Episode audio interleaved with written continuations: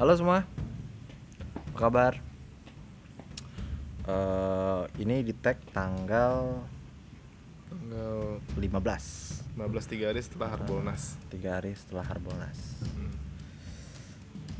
Ya kita nggak perlu nanya cek kota apa ya Ya, yang jelas kayak Yang jelas adalah LTMPT kemarin udah ngeluarin tentang eh, ketentuan dari eh, senam PTN betul.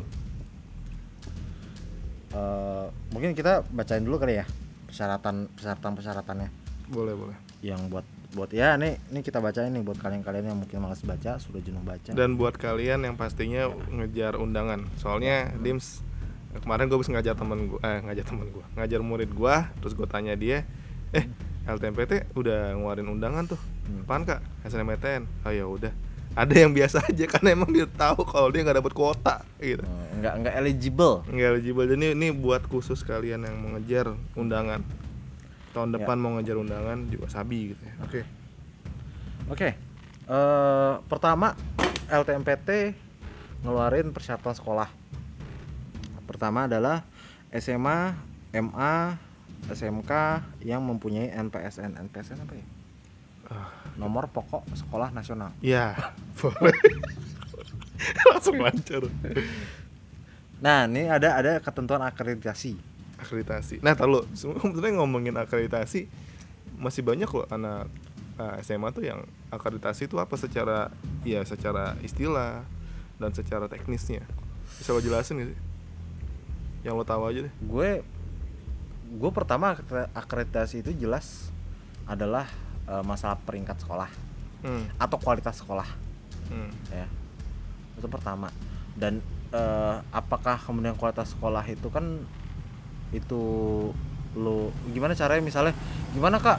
Eh, sekolah saya cara naik peringkat itu nggak usah lo pikirin. Hmm. itu bukan lo yang yang perlu mengusahakan yang perlu mengusahakan sekolah. Berbanding lurus gak sih sama sama ini menurut lo kayak uh, SMA favorit. Jadi kata favorit itu berarti sudah pasti ak- akreditasinya paling bagus. Ya kalau dilihat dari syarat syarat eh, undangan, gue bacain aja ya. Hmm. Ketentuan akreditasi adalah akreditasi A itu eh, persyaratan sekolahnya 40% terbaik di sekolahnya. Jadi punya kuota 40% terbaik di sekolahnya. Oke. Terus akreditasi B itu punya 25% terbaik di sekolahnya. Akreditasi C dan lainnya itu 5% terbaik di sekolahnya. Jadi kalau misalnya kita lihat kalau semakin bagus akreditasi sekolah lu, Hmm. ya kemungkinan lo jadi eligible Eligible Itu- apa sih? nggak tahu. itu pokoknya di di SBMPTN Fest ngomongnya eligible lah. Eligible. Oke. Padahal SBMPTN Fest ya. Harusnya kan dia PTN. nggak usah ngomongin senam PTN. Iya. Itu lo makin tinggi akreditasinya, mak berarti pasti kan jadinya lebih tinggi apa? Lebih tinggi kesempatan lo untuk masuk kuota. Betul. Kita sebutnya masuk kuota aja ya. Hmm. Gue ngomong eligible ribet. Iya. Nggak Dan bisa nggak bisa bahasa Inggris. dan uh, sebenarnya kalau misalnya dari terminologi katanya kan kalau akreditasi itu berdasarkan kamus artinya kan diakui ya. Berarti sekolah itu tuh diakui. Uh, Iya, jadi ya taruhlah kita kita masuk kuota deh, masuk Nah. kuota. Itu itu menarik kuota. Kalau 40% gini. Nah, eh kemarin gue nanya juga ke murid gue hmm. di salah satu SMA negeri favorit juga di Jakarta Timur. eh gue lumayan kaget ya soalnya kuotanya itu 103 eh, bukan kuota jumlah dia anak IPS jumlah Ah. siswanya itu 100 40-an lah katakan Hmm. dia 130-an sekian sih Hmm. tapi katakan 140-an Ya. 140-an kan di paralel kan berarti bagi dua dong Hmm. IPA IPS berarti 40% di IPA 40% di IPS juga kan Iya. Nah, 40% dari 140 Hmm. peserta itu kira-kira berapa? Berarti enggak lima 14 kali 4 4 6 1 46 ya? 56 orang 56. Jadi lo yang peringkatnya 57, ya lo nggak masuk.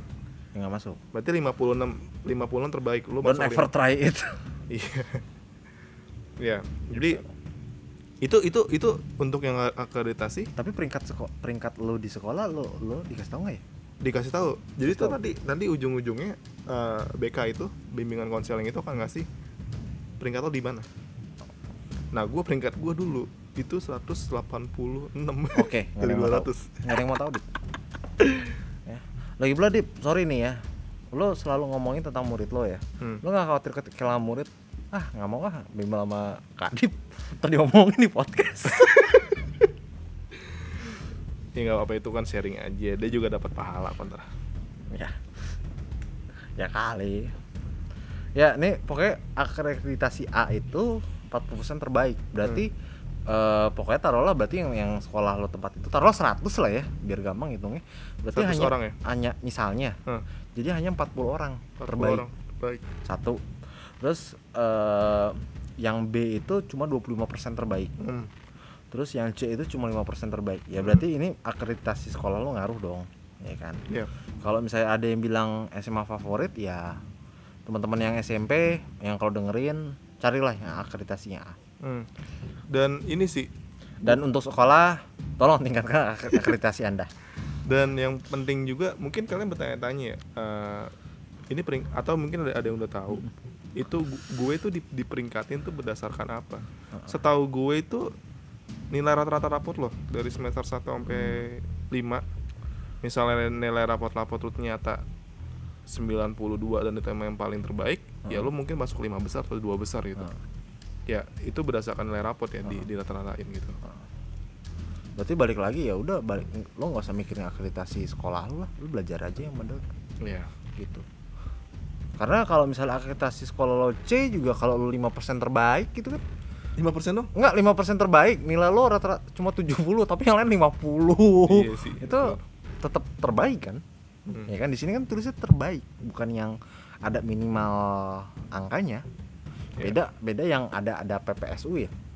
apa PPS PPU ya. Apa sih namanya? itu? oh itu PPU PPU. materi Beda kalau misalnya ada ketentuan PPU misalnya. Hmm. Kayak gitu. Menurut gua kayak gitu.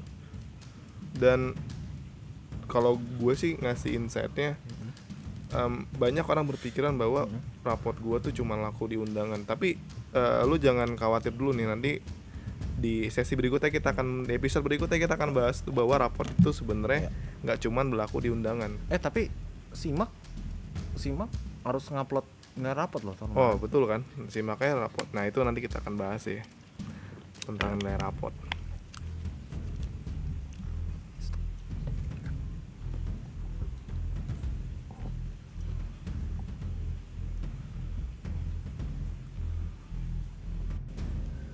Oke, langsung ke persyaratan peserta ya. Di sini tertulis siswa SMA, MA atau SMK kelas terakhir atau kelas 12 pada tahun 2002 pada tahun 2022 yang memiliki prestasi unggul. Nah, dia nyebutin perinciannya di sini dikatakan memiliki prestasi akademis dan memenuhi persyaratan yang ditentukan masing-masing PTN. Nah, komentar lu gimana tuh, Nips? Ya wajar aja menurut gua. Prestasi yang bakal dilihat. Ya prestasi akademik tuh berarti gua bisa Tiger Sprong masuk gak? gua masih lucu aja. Dan eh, kalau misalnya dibilang prestasi akademik, tentu ya eh, dalam artian ya bagi kalian yang selalu selalu apa ya namanya selalu konsisten dari kelas sa- 10 lima besar terus ya mungkin itu punya peluang besar tinggal nanti pilihan program studinya nah ini yang penting Ya udah itu tapi itu nantilah. Nantilah ya. Nanti mungkin sesi berikutnya. sesi berikutnya Kalau gue lebih lebih mau komentarin yang syarat kedua sih. nah kita baca dulu memiliki NISN dan terdaftar di PDSS Ini soalnya banyak banget pertanyaan-pertanyaan di akun-akun ya SBMPTN Fest, terus jadi maba. Jadi Eh, maba jadi ini. maba gak ada yang nanya sih. Nggak ada yang nanya kita kita, Isinya shit posting semua, Pak. kita berusaha untuk mengquote reply-kan itu Ya. Eh, sebenarnya banyak yang cara daftar NISN gimana, cara daftar eh, ngelihat PDSS di- gimana gitu. Sebenarnya kayak gitu. Jadi menurut gua mungkin mungkin nanti kita bisa lah ngasih tutorial tipis-tipis kali ya. Tapi mungkin nggak di episode ini. Iya betul Karena ini bisa bisa satu sendiri gitu. Dan gue juga harus nyoba-nyoba juga. Tapi mungkin nggak sih eh, NISN lo tuh nggak terdaftar gitu ya NSN gue di di apa ah gue belum tapi gue pernah nyoba pas gue daftar Hmm. NSN gue aktif aktif aktif jadi nggak ya. ada nggak sih kemungkinan bahwa ada siswa yang nggak punya NISN kemungkinan bisa dong kalau misalnya Oh. di error atau misalnya nih eh, NSN-nya dia menyerahkan kepada sekolah sepenuhnya hmm. misalnya tapi ternyata sekolah karena banyak anaknya banyak Hmm. eh, skip ke input misalnya Hmm, berarti itu bukan salah anaknya ya maksud gue di sini maksud gue di sini adalah bagaimana lo mengecek gitu loh bukan Hmm. bikin NSN tapi Hmm. bagaimana lo mengecek status lo Hmm, berarti Gitu. bu- apa ya kita nggak nggak bisa ya udahlah itu ntar guru apa guru gua aja yang ngurus jadi lo lo nya juga yang eh itu yang harus kita cross check juga sih sebenarnya Hmm. tapi kan kita belum belum digging ya betul betul karena berdasarkan pengalaman gua nih ada murid gua beberapa tahun yang lalu dua tahun yang lalu kalau nggak salah ada eh, kesalahan teknis seperti ini tuh ada. Jadi kasihan banget gitu. Apalagi kalau kalian tuh nilainya udah ya udah tinggal strategi milih program studi doang gitu. Jadi ya hal-hal minor gini jangan sampai Iya. terjadi sih. Nah. dicek lah dicek dicek. Maksudnya lo aktif lah aktif gitu. Iya kan. Maksudnya nggak nggak semua guru eh ngeh dengan gini ya. Apalagi kalau misalnya gurunya gaptek iya. Ya guru gaptek kan nyak. Menurut gue ya. Oke. Dosen gue juga gaptek. Iya. Cakep. Nah kita ketiga nih ke poin tiga. Di sini memiliki nilai rapor semester 1 sampai dengan 5 yang telah diisikan di PDSS nah ini menarik nih. Maksud gua menariknya adalah lo kan liburan nih. Bentar bentar bentar, bentar. Bentar lo kenapa? Yang ngisi ke PDSS siapa setahu atau gue siswa? kayaknya sih eh, beda-beda sih. Tapi kalau murid gue itu bilang dia sekolah kayaknya. Nah sekolah muridnya itu tinggal ngecek. Kalau ada yang salah bilang. Ada yang salah bilang. Karena itu mungkin bakal bakal makan waktu banyak kalau misalnya pak nilai Tigers Pro saya tuh nggak masuk. Ya itu dan dan dan menariknya di sini adalah karena kan libur nih eh, di Hmm. Desember ini semester 5 kan kelar. Tapi kan seperti yang gue bilang ya. Ini semester 5 kelar ya? Bukan masuk semester 5 bukan ya? Bukan masuk semester 6 nah Januari itu sebenarnya penghabisan semester 6 sama kan, karena gue pernah bilang bahwa masih banyak materi-materi ya nggak banyak sih. Tapi ada kayak misalnya fisika lo ada sekolah sampai semester 5 aja. Iya sih. Iya nah kan? ya bagus sih kan kayak gitu tapi kan Iya, lo- materi-materi masih ada. SMA cuma 5 semester aja menurut gua ya kuliah berapa ya? 8 8 8 7 sih kalau lo pinter. Kalau kayak 7 kalau pinter. tapi kan gua ya pinter aja biasa Iya. pinter banget kalau pinter banget bisa lah 7 ya artinya sebenarnya yang menjadi pertanyaan bagi gue ya itu tadi eh, semester ini semester 6 itu masih ada dan lo akan masih ngambil rapor semester 6 lo tapi kan yang kepake semester 5 tapi yang yang menjadi pertanyaannya kan akan ada effort lo belajar di semester 6 itu loh ya pasti ya itu itu itu dia jadi jadi tantangan Iya, kan lumayan ya maksudnya. Ya udah nilai rapot tuh sampai semester 5 aja. Semester 6 tuh udah nggak ada pelajaran. Lu jadi kan bisa fokus UTBK aja, lu bisa fokus mandiri aja gitu loh. nah meskipun kayak gitu Atau fokus kelas meeting. meskipun kayak meskipun kayak gitu Dim, perlu diingat Hmm. ya emang pengennya kan gitu gue Hmm. pengen banget eh, UTBK tapi Hmm. Eh, belajar ya meskipun kita berharap undangan tapi kan realitanya kita masih dibebankan dengan ujian praktek ujian sekolah yang aduh men gue pengen kelar nih gue pengen Kalau gue jujur, jujur ya, ini Hmm. jujur-jujuran ya. Gue kalau misalnya undangan tuh cuma sampai semester 5, gue semester 6 nggak peduli tuh.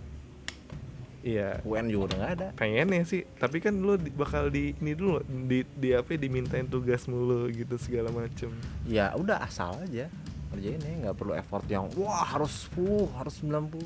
ya ya udah itu mungkin bisa ya? jadi insight ya. Maksudnya ya gue belajar fokus bimbel ngerjain tugas. Ya gue tidak perlu melatih Tiger Strong lagi. Ya mungkin itu jadi insight dari Dimas ya Besti. Oke. Tuh besti ya Allah. Oke. Nah, eh, poin terakhir nih, peserta yang memilih program studi bidang seni dan olahraga wajib mengunggah portofolio. Nah, Tiger Strong. Lo wajib mengunggah video lo Tiger Strong.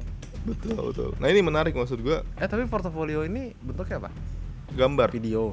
Kalau ya kalau gambar lo kita gaspol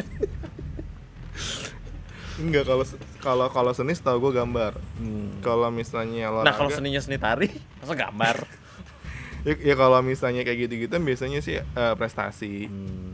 lu pernah juara apa aja nah itu Oh. kalau yang pernah juara tari saman itu bisa Nah, ini ini juga menarik. Kemarin ada yang nanya di salah satu fest-festan. Hmm. Itu nanya kalau misalnya sampai semifinal doang itu masuk prestasi nggak? Iya ada sertifikatnya nggak Ya tapi kan sertifikatnya sampai semifinal doang pak, nggak juara. Itu juara juga juara empat. kalau Ya, yang juara tiga juara dua satu setahu nggak jamin nggak daftar. setahu gua masukin aja sih gitu Masukin aja? masukin aja Ya apa pun sertifikat bagi gua tuh masukin aja lo Berarti, berarti bisa ya? Kita bikin lomba untuk orang-orang yang nilainya kurang. iya gitu Kan yang penting ada prestasi kan. ada prestasi gitu Ya nah em, gua ini prediksi gua dims ya prediksi gua untuk saat ini kan seni olahraga Hmm. sama eh, seni sama olahraga ya. nah ini pertanyaan gue juga nih e-sport masuk nggak kalau ada yang menang Mobile Legend gitu Oh iya juga. iya kan sekarang Iya. dan dan bahkan pemerintah kan Iya. memang memang akan mendukung Iya, kalau men- gua kan. menang Mobile Legend, tapi gua menang Mobile Legend terus daftar pendidikan olahraga piye, Pak? Iya juga sih ya mungkin Iya. mungkin mungkin eh, gue nggak tahu pasti Karena masuknya eskul. Masuknya school sih Iya, kan. Tapi sepak bola juga eskul biasanya. Iya. Tapi kan tuh sport, sports tapi e e-sport. Iya, gua gua Ya rasa itu sih kita nggak tahu lah, kita kita nggak tahu lah. E-sport mungkin kalau dari sini mungkin ya kita harus digging lagi. Mungkin belum masuk. Mungkin belum masuk ya. Hmm. Mungkin tapi bisa jadi siapa tahu tahun depan itu jadi bisa jadi pertimbangan Hmm. untuk memasukkan itu. Tapi kalau sekarang kalau lo ya merasa bahwa disuruh guru lo masukin ya masukin aja. Nah, pertanyaannya gini deh, kalau misalnya nih, Hmm. lu guru, B, guru lu guru, guru BK gua, gua Hmm. nih, Bu, ini saya eh, saya punya nih nggak emang nggak nggak apa namanya nggak ini ini banget sih Hmm. nggak gede-gede banget Heeh, tapi lu pengen masukin nih heeh, nah gue nanya heeh. masukin apa enggak misalnya tadi deh Ya lomba e-sport kalau kalau lomba 17-an RT lo gue tolak sih. tapi tapi kan paling mungkin mungkin dari, dari teman-teman punya paling banyak sertifikat ini eh Seru-seruman. Bukan jelasnya maksud gue masih e-sport tapi itu Ah. masih kayak apa ya, lomba antar sekolah gitu loh Mewakili tapi gue gue Mewakili- gini, mewakili mungkin mungkin loh mungkin eh, yang yang dianggap prestasi akademik adalah yang mewakili sekolah iya atau mewakili daerah. Bener Berarti- nggak? berarti Mungkin bisa yang, dong. yang akan dipertimbangkan itu. ya mati mungkin gak sih masukin aja gitu kalau menurut lo Kan yang kita tanya- tanyakan adalah ah yang kita pertanyakan adalah apakah akan dijadikan pertimbangan atau tidak, iya ya kan? Oleh kampus bersangkutan oh iya atau betul. oleh itu oleh lembaga seleksi bersangkutan. betul itu yang digaris ke bawah itu itu ya yang digaris bawahi Ah. kan kalau masukin mah selama bisa diupload pak Iya enggak? Kan Apa? maksimal gue mau ngecek kemarin tuh maksimal berapa? 15 megabit apa? 15 megabyte ya Eh berkasnya. jangan sampai 15 giga ya aduh Ya kalau misalnya lo ada nih sertifikatnya tapi sertifikatnya apa ultra HD. Apa 30 megabit. Iya, capek foto ngerenderinnya. Gitu. gitu Ya bisa juga gitu. Ya, yang ketiga adalah tentang pilihan program studi. Setiap siswa dapat memilih dua program studi dari satu PTN atau dua PTN. Hmm. Berarti lo bisa eh milih UI UI, Hmm. ITB ITB, ya kan? Hmm. Bisa berarti ya. Terus jika memilih dua program studi, salah satu harus berada di PTN yang di provinsi yang sama dengan SMK, SMA, SMK asalnya. Berarti kalau misalnya lo anak Jabar, Hmm. anak Depok, Depok kan masuk Jawa Barat ya. Hmm. Berarti kalau lo anak Depok, sekolah lo sekolah di Depok, lo mau milih UI, berarti satunya harus satunya lagi harus di Unpad, Iya. ITB, IPB. Hmm. Susah ya. Susah Enggak mesti kayak keketatannya tuh ketat banget. berat banget Heeh. Duh, inilah. Berarti kalau misalnya lo eh, misalnya lo pengen milih UGM, berarti satunya lagi harus di di di Jogja ya eh, UGM Jogja kan. Berarti Jawa satu Tengah lagi ya? lo mesti kalau lo anak bisa? Depok berarti enggak kalau lo anak Depok ah berarti satu Jogja, satu IPB. ya bisa itu bisa nggak keterima dulu. Iya sih. Nggak karena karena dengan persyaratan ini anak-anak pintar pasti nggak bakal dong milih UI UI kalau di anak Jawa Barat. Kalau kalau UI masuknya provinsinya Jak- Jakarta ya. Hmm. karena karena seingat gue UI itu masuknya DKI Jakarta. Seingat gue. Hmm. gitu. Seingat gue tuh dia eh, secara regional dia masuknya Jakarta. Hmm. 2015 terakhir itu gue cek eh gue pas daftar itu daftar UTBK ya. Hmm. eh, UI itu masuk Jakarta. Uli masuk Jakarta? Heeh. oh. UI itu masuk Jakarta bersama UNJ sama apa Iya, lagi? iya. UIN UIN Jakarta deh Uin Jakarta. Gue ada? Dah ya kita kita ambil yang Win yang Tangerangnya dulu. Cip Ya, Ciputat. Ciputat. tuh? Banten Jawa Barat ya? Butet Tangerang Pak. Tangerang. Tangerang Banten berarti. Banten Banten tuh provinsi sendiri ya? sendiri. Sendiri. Oh yang tinggal di Banten Sendiri. cuman di Uin doang ya lu? lo anak IPA ya iya. Pantes.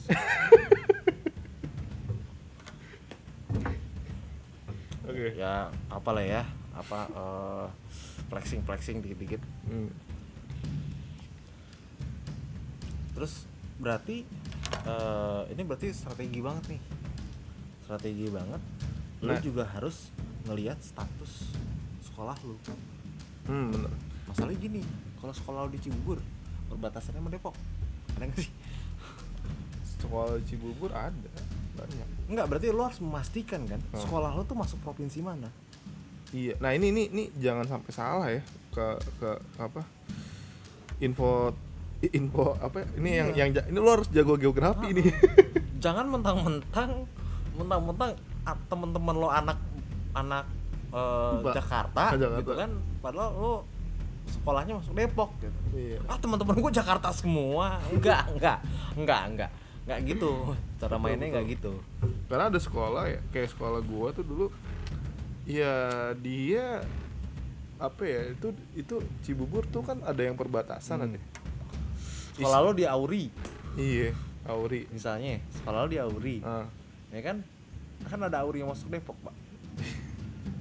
Padahal lo merasa gue selalu bilang gue anak Cibubur. Kasihan tuh sekolah itu yang benar-benar di perbatasan ya. Kamar mandi itu udah di Depok yang kelas pertamanya itu di Jakarta gitu. Tapi kan biasanya kelihatan SMA 3 Jakarta Ah, iya. SMA 2 Depok kelihatan biasanya pak. Benar-benar yang nggak kelihatan kalau SMA swasta pak. Kenapa itu? Ya kan nggak ada nggak ada SMA bla bla bla Jakarta nggak ada. Iya benar. Kan nama sekolah doang pasti. Iya iya iya. Kecuali dia punya banyak cabang. Pasti disebut nama daerah. Franchise dong. Ya ada nggak sih? Hah? sekolah yang franchise gitu? Ada. Eh Budi Utomo banyak iya sih Budi Utara ada Tugip juga masuk masih Tugu Ibu Tugu Ibu enggak Tugip enggak ya? Singkat gua enggak ya? Oh iya. Dia dua-duanya di Depok singkat gua. hmm. satu di Depok 2 satu di Cimanggis. Lab school ya?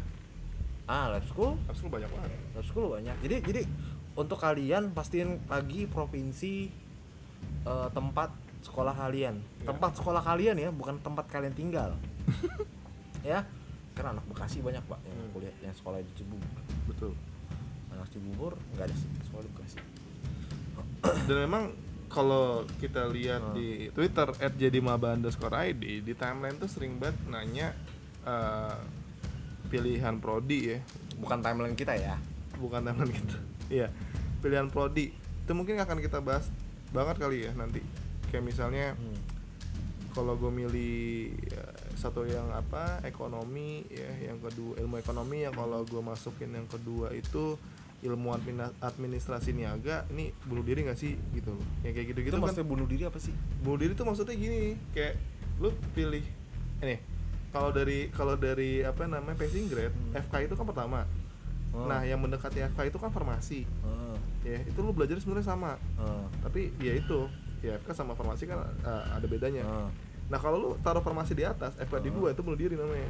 Bunuh diri tuh maksudnya berarti lo nggak bakal dapet FK Ya, ya, lo iya, pengen iyalah. FK iyalah jelas. Ya menurut gue menurut gue pilihan pertama pilihan kedua itu begini. Yang sering lupa sama anak-anak adalah Hmm. di LTMPT itu eh tidak ada namanya pilihan pertama pilihan kedua. Bukan urutan menurut gue.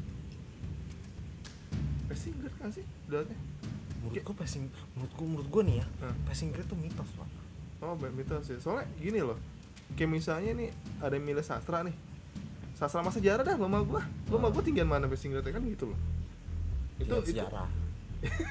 Iya siap. Nah itunya dia itu karena yang karena sejarah pas itu kotanya dikit pak. Oh gitu. Kalau kalau Indo- sastra Indonesia dia tiga jalur masuk semua tuh Hmm. kalau di sastra Indonesia eh sejarah Hmm. itu cuma dua jalur Hmm. Nah itu sebenarnya yang jadi perbincangan perbincangan gede banget sih di timeline ya. Hmm. Eh, kalau yang tipis-tipis gitu, Hmm. pokoknya kan ya yang namanya yang teman-teman semua kan pengennya daftar yang bener-bener sempurna gitu, tepat gitu. Oh, ya lo lo sebenarnya sih sebenarnya pengennya dapet ya sebenarnya dapat lah. Nah tapi kan butuh usaha. Nah usahanya kan setidaknya ya maksimal dalam artian pemilihannya juga tepat dan segala macam halnya gitu. Nah itu mungkin akan kita bahas gitu ya. ya nantilah kita bahas itu soalnya Oke. menurut gue ini menurut gue lagi ya Hmm. Eh, menurut gue ketika lo soalnya menurut gue aduh menurut gue mulu tuh Eh, apa passing grade tuh mitos pak tapi kok gue tuh passing gini tapi kok kalau misalnya mitos kenapa itu, it- lu kalau mau beli buku apa pun UTBK yang 200 ribuan tuh ya, yang mahal-mahal itu daftar apa ya halaman pertamanya sampai 10 halaman ke belakang itu pasti daftar passing grade passing grade itu kan itu ngomongin berapa kuota hmm. berapa yang daftar. Ya sekarang yang daftar Peminatan. itu kan nggak selalu nggak tetap.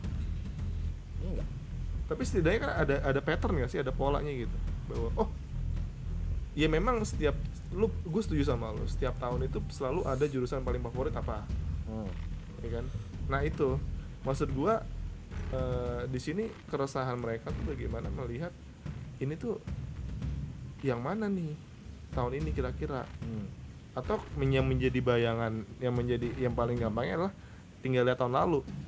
Tahun lalu ternyata kan kita bisa lihat tuh datanya tuh. Hmm. nah mungkin itu bisa yang yang bisa lo lakuin juga ya. Hmm. Nge-riset dulu setidaknya eh, daftar jurusan-jurusan berdasarkan yang paling banyak peminatnya gitu ya nggak sih Iya.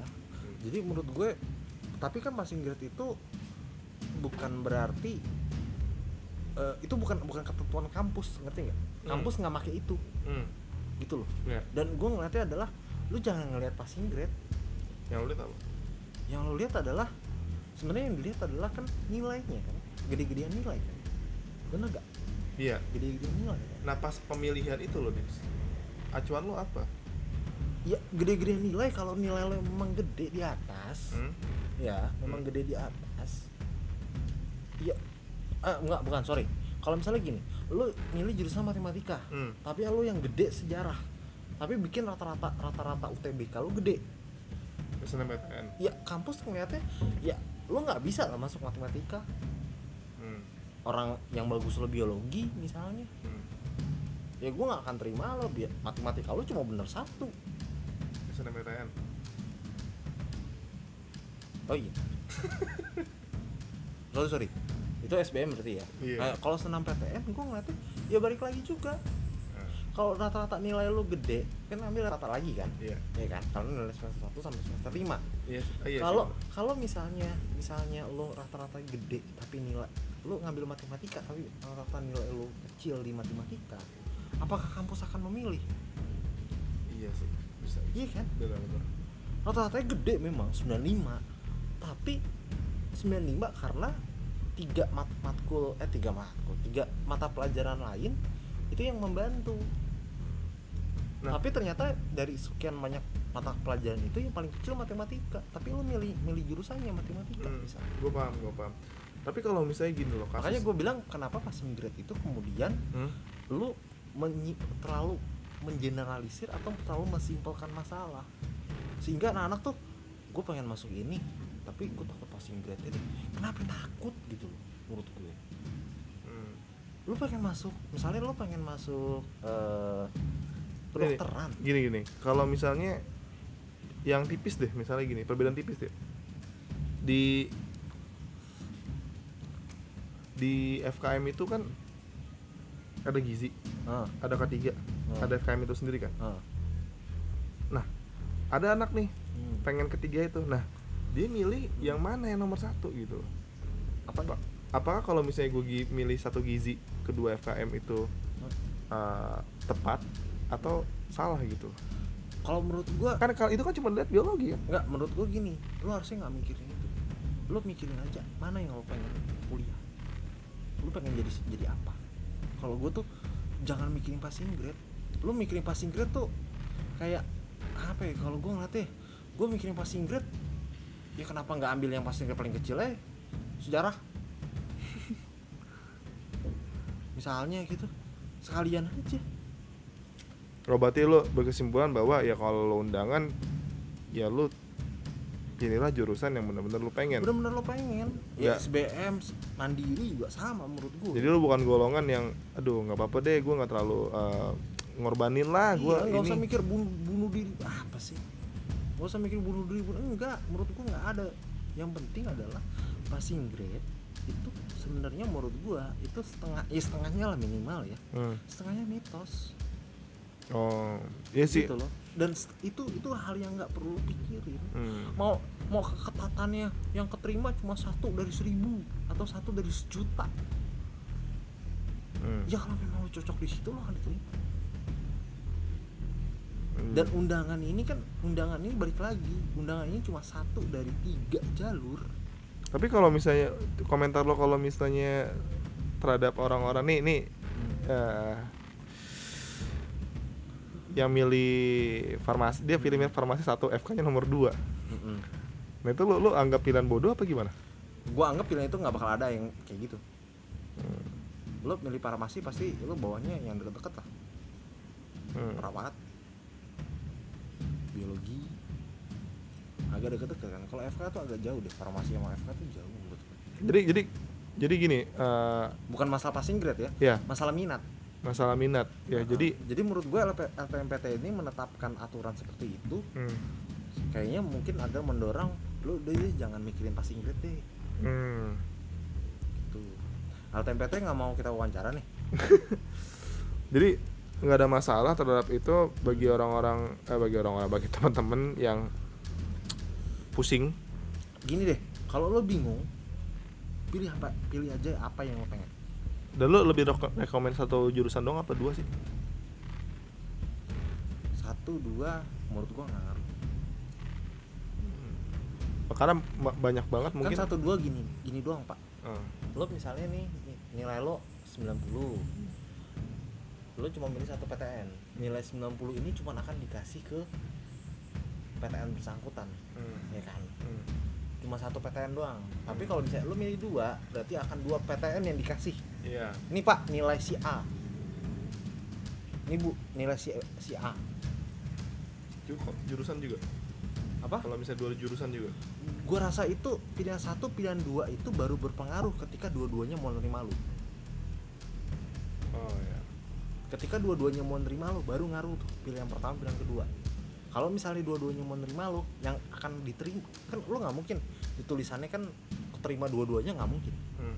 Tapi kan satu kan yang yang, yang diumumin kan. Hmm. gue rasa tuh satu dan dua itu akan pengaruh ketika dua-duanya mau nerima lo atau pilihan pertama lo ditolak. Pilihan kedua baru ngeliat. Tapi tidak ada hubungannya menurut gue antara far- farmasi satu FK 2 nggak ada hubungannya. Menurut gue nggak ada hubungannya. Kayak misalnya gini ya menurut gue FK nggak bakal nggak bakal tersinggung lah anjing nih, nih orang nih orang milih kita kedua tolak enggak lah kalau nilai lo bagus Hmm. kan mereka juga pengen nyari siswa terbaik juga Iya. cuman memang kebetulan dia FK adalah pilihan kedua pilihan Hmm. kedua tuh menurut gue ya ketika itu dimasukin logika itu pilihan pertama pilihan kedua itu eh, tidak berpengaruh kemudian pilihan pertama pasti keterima Hmm. atau pilihan kedua pasti keterima bisa jadi juga kayak ya lu nggak memang nggak cocok aja di farmasi Oke. Ini ad- ada kasus menarik nih, ya. ada kasus menarik gini, Dips. Hmm. Ini terjadi sama murid gua, dia cerita gini. murid lo lagi Ih, siapa lagi sumber gua masa kalau lo nggak punya guru nggak punya teman guru bimbel lainnya Iya, jarang bahas murid sih, Ya, paling balik jarang. lagi balik lagi gue takutnya murid lo berkurang karena ngomongin di podcast Nah, kan, dia kan udah kan udah ngampus. oh iya Ya. selamat ya Ya, ini menarik. Jadi dia anak IPA. Nih pas pas pas di zamannya dia, di zaman dia waktu itu masih bisa lintas minat